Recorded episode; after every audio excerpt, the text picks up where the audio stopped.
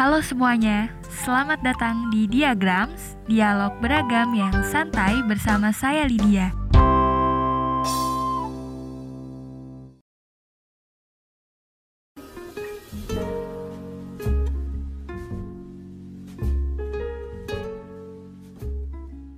Bismillahirrahmanirrahim. Ya, saya Lydia, sekaligus host pada episode kali ini dan juga yang nggak boleh dilewatkan nih, ada tamu spesial uh, yang hadir hari ini yaitu dari uh, CEO pemimpin.id Mas uh, Darmaji Suradika. Uh, kita sapa dulu. Halo Mas Aji. ya, halo Lid, apa Uh, ya, ya baik Mas. Uh, mas sendiri gimana kabarnya? Alhamdulillah baik. Oke, okay. Mas Aji sekarang lagi sibuk apa nih selain di pemimpin.id? Um, ya apa uh, sebagian besar waktu aku habis emang buat mimpin ID karena emang mm -hmm. ID lagi uh, di fase forming ya jadi di fase pembentukan mm -hmm. jadi masih banyak uh, harus belajar banyak uh, diskusi sana sini gitu ya banyak yeah. Uh, baca-baca gitu jadi emang kalau misalnya lagi nggak ada meeting atau nggak ada uh, diskusi sama tim huh? digunain buat belajar sih jadi buat buat baca buat cari-cari uh, ilmu baru. Okay. gitu nih oke okay, siap. Nah uh, di luar kan... itu ya lagi sibuk. Huh? inilah jadi ayah baru. Ah oh iya. Baru, baru punya baby jadi fokus ke sana juga. Gitu oke okay, siap. Uh, ini mas apa namanya sehat-sehat selalu buat Mas Aji terus sama istrinya dan Dede Dede Jenar ya. Ya. Iya. Iya. Oke, sekarang kita tuh mau bahas nih Mas. Um, pertama nih, aku mau tanya nih. Um, background di pendidikan Mas Aji kan aku lihat nih Mas Aji waktu dulu ini alumni ITS ya. nah, terus ya. itu Nah, terus itu tuh pas setahun sesudahnya, Mas langsung ngambil kuliah S2 kah itu, Mas? Mm-hmm. Nah, S2 ya, di Jerman. Itu? Yes. Nah, itu tuh uh, kenapa sih sebelumnya tuh uh, Mas Aji uh, pengen langsung kan biasanya kan anak-anak muda nih biasanya habis lulus kerja dulu deh gitu. Tapi kenapa nih Mas Aji milih buat langsung aja S2 gitu? Gimana ya. tuh? Kalau menurut aku malah justru hmm. karena anak muda, jadi hmm. uh, kuliah dulu, jadi istilahnya merantau lah gitu. Karena okay. uh, eh, justru kita masih muda, uh, kita gunain waktu kita untuk merantau sejauh-jauhnya untuk belajar gitu ya. Uh-huh. Uh, karena waktu itu planku ketika sudah mulai uh, dewasa gitu, justru hmm. sudah waktunya harus settle gitu. Nah makanya kenapa waktu itu aku begitu lulus, aku nggak mau settle down dulu nih gitu. Oh. Pengen nyoba banyak hal dulu, pengen hmm. merantau, pengen tahu dunia gitu ya, pengen hmm. uh, belajar dari eh, orang-orang di luar Indonesia. Gitu. Hmm. Nah makanya kenapa akhirnya pada saat itu memang dari awal ya di tahun-tahun akhir kuliah lah ya, aku sudah memutuskan bahwa aku nggak mau uh, apa, aku nggak mau langsung kerja. Gitu. Oke. Okay itu um, dari emang apa kuliah di sana itu dari Nian sendiri biaya sendiri atau gimana tuh mas? Uh, ya jadi aku berangkat uh, hmm. pakai biaya waktu itu biaya orang tua ya jadi berangkatnya hmm. aja. Hmm. Tapi di sananya setelah sekitar satu semester aku di sana, aku udah bisa cari duit sendiri di Jerman karena uh, di Jerman kan kuliahnya gratis. Wow, Jadi mantap. Ya karena memang itu peraturan pemerintah Jerman ya. Jadi uh, selama uh. kamu itu uh, kuliah di public school, jadi di uh universitas punyanya pemerintah, uh, uh semua uang kuliahnya gratis. Uh, jadi kamu nggak uh, perlu bayar uang kuliah, tapi kamu harus bayar biaya pribadi aja. Gitu. Biaya pribadinya itu yang kita bisa dapat dari kerja part time gitu. Jadi waktu oh, itu aku di sana iya, iya. Uh, kerja ya kerja part time di pasar gitu jadi kayak pasar kaget lah ya kalau orang yeah. Indonesia bilang itu pasar yang ada setiap hari Jumat dan hari hmm. Sabtu ya aku kerja di situ sambil cari duit jadi aku bisa hmm. hidup sendiri gitu tanpa tanpa duit dari orang tua dan tanpa hmm. duit dari beasiswa gitu. Oh, jadi tuh kayak gini ya Mas. Jadi uh, Mas Aji tuh pas abis lulus S1 terus tuh uh, pengen nih, pengen ngerantau karena pengen banyak pengalaman dan juga pas ngerantau Mas Aji juga uh, kerja itu untuk ya pengalaman juga ya Mas. Nah, ya, terus benar. Hmm, terus habis itu tuh um, di sini kita tuh mau bahas tentang kira-kira nih kan Mas Aji tadi uh, perjalanan seperti itu nih. Apa sih uh, lima skill wajib nih yang harus dimiliki oleh uh, anak-anak mahasiswa yang udah semester semester akhir terus sama uh, fresh graduate nih di era sekarang nih mas kan menurut pengalaman mas Aji yang tadi gimana mas? Hmm. Oke. Okay. Ya top skill pasti uh, skill tentang mengenal diri ya. Jadi uh, skill mengenal diri itu uh, adalah kamu tahu kamu itu siapa dan kamu maunya apa. Oke. Okay. Itu aja. Kamu punya satu skill itu aja, kamu udah bisa udah bisa selamat lah di dunia ini. itu udah udah menyelamatkan kamu dunia akhirat mungkin gitu ya. Iya iya. sayangnya skill itu jarang banget yang punya. Uh, terutama uh, untuk anak-anak yang baru mau lulus ya atau baru lulus gitu bahkan baru lulus gitu kadang mereka nggak tahu maunya apa. Hmm. Jadi banyak banget tuh kita yang kuliah karena orang tua, kuliah karena misalnya mungkin kenapa ngambil jurusan A gitu.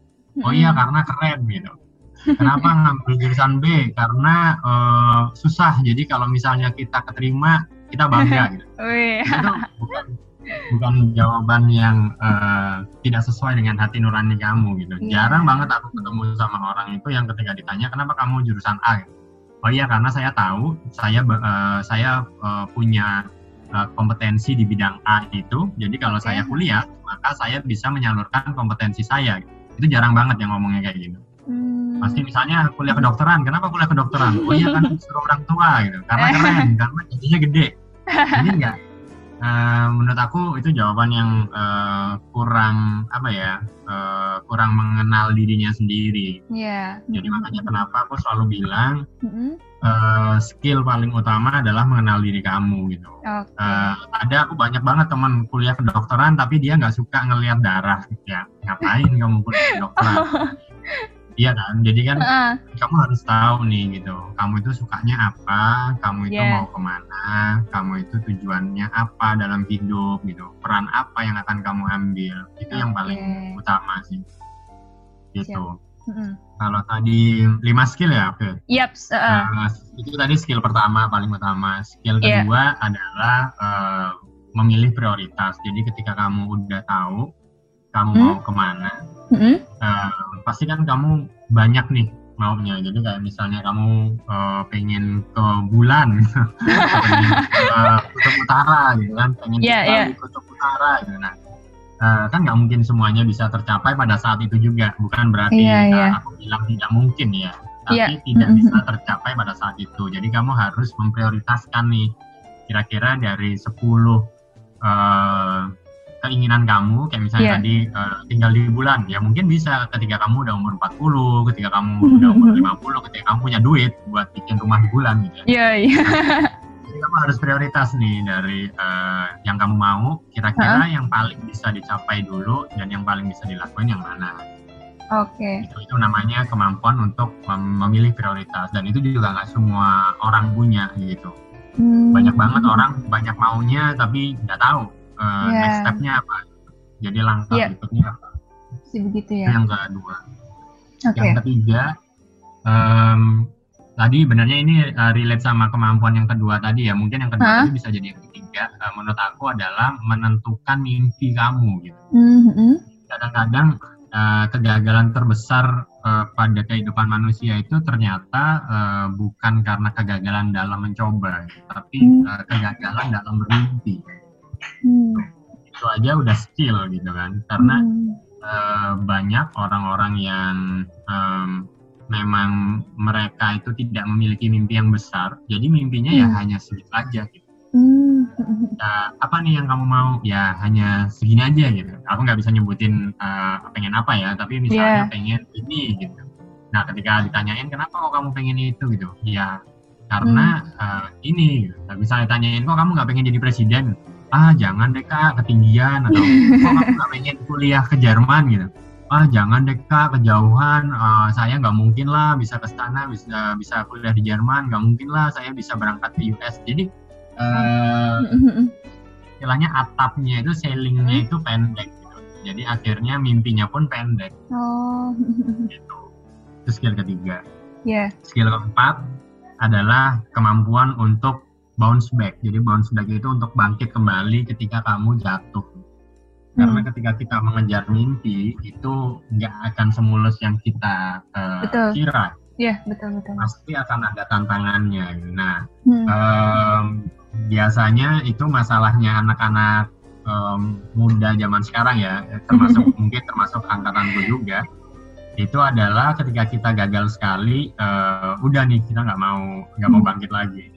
Hmm. Nah kemampuan buat uh, kita begitu jatuh hmm. oh iya kita gagal nih uh, yuk kita nyoba lagi nah itu yang uh, kurang gitu jadi hmm. um, makanya di sini aku juga um, menggarisbawahi bahwa penting kita punya kemampuan untuk bermimpi tadi tapi kita juga penting punya kemampuan untuk bangkit lagi gitu ketika mimpi kita belum tercapai jadi okay. terus mencoba gitu. Terus yang terakhir mungkin kalau aku bisa menggarisbawahi adalah kemampuan adaptasi. Jadi um, itu yang aku sangat aku pelajarin banget waktu aku hmm. di Jerman dan itu kenapa oh. alasan juga kenapa aku harus kuliah di Jerman karena hmm. aku pengen hidup di uh, dunia yang 180 derajat berbeda dengan dunia aku hmm. sekarang gitu. jadi di sini aku mayoritas gitu ya karena aku orang Islam karena semua orang Indonesia adalah mayoritas di hmm. Jerman aku minoritas gitu. Iya.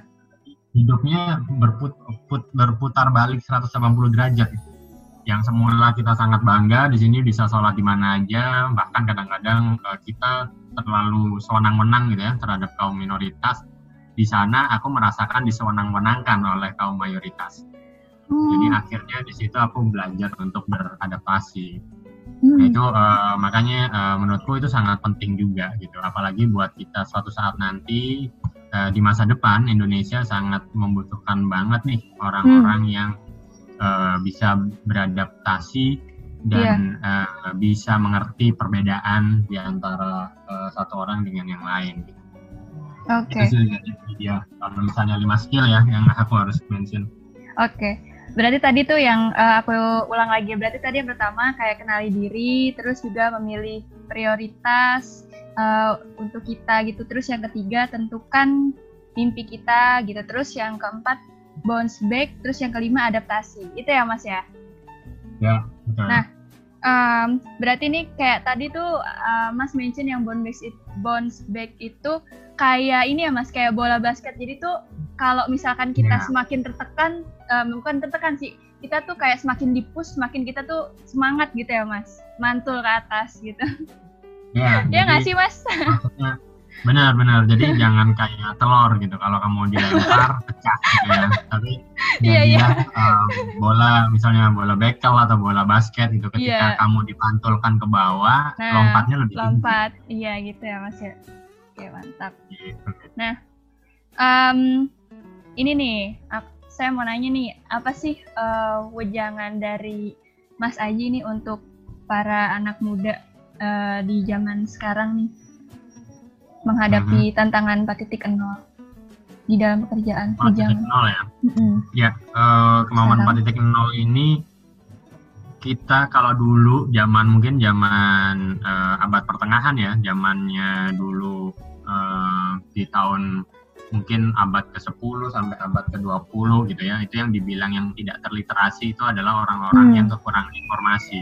Yeah. Jadi orang-orang yang makanya kenapa pada abad-abad segitu banyak dibangun perpustakaan gitu kan karena yeah. informasi itu belum tersebar gitu hmm. nah di abad uh, eh, 4.0 kayak sekarang kita justru di zaman yang terlalu banyak informasi jadi yang yang disebut terliterasi itu uh, yang disebut tidak terliterasi itu bukan hanya orang yang kekurangan informasi, mm-hmm. tapi juga orang yang terlalu banyak informasi sehingga dia kesusahan memilih informasi mana yang kurang tepat. Oke. Okay. Jadi gampangannya adalah orang-orang yang percaya hoax itu mm -hmm. juga orang-orang yang tidak terliterasi. Hmm. Jadi kan dia disebut tidak terliterasi bukan karena dia nggak punya informasi kan, dia hmm. punya informasinya, tapi dia hmm. percaya informasi yang salah. Hmm. Nah jadi uh, wejangan istilahnya buat hmm. teman-teman yang sekarang di zaman ini, makanya hmm. sekarang kan di, di zaman yang disebutnya adalah post truth ya. Uh, kita harus lebih terliterasi dengan membaca informasi yang tepat. Oke. Okay. Gitu karena uh, kalau kita enggak uh, maka kita akan salah arah nih. Kita gampang diarahkan oleh kaum kaum tertentu yang tidak ingin kita pintar. Wow. Gila gila. Gitu ya mas? Ya berarti ya. kalau saya tangkap juga um, selain yang lima tadi sebenarnya tuh ya itu juga skill yang harus dimiliki sama anak-anak muda ya mas. Jadi kayak harus nyaring benar-benar gitu informasi gitu Ya, ya, seperti itu ya. Oke. Makasih ya, Mas. Ya udah segitu aja, Mas. Sama-sama. Terima kasih banyak atas waktunya. Sama-sama, Lydia. Makasih hmm. juga udah diundang. Iya. kapan-kapan kalau butuh-butuh ngobrol lagi. Siap. Siap. Dadah, Mas. Assalamualaikum. Thank you. Waalaikumsalam. Nah, menarik bukan perbincangan kita pada episode kali ini? Semoga bermanfaat ya untuk teman-teman. Oh iya, jangan lupa share podcast ini jika kamu suka dan kalian juga boleh add Instagramnya Mas Aji di add aji underscore suradika dan at pemimpin.indonesia. See you guys, have nice day.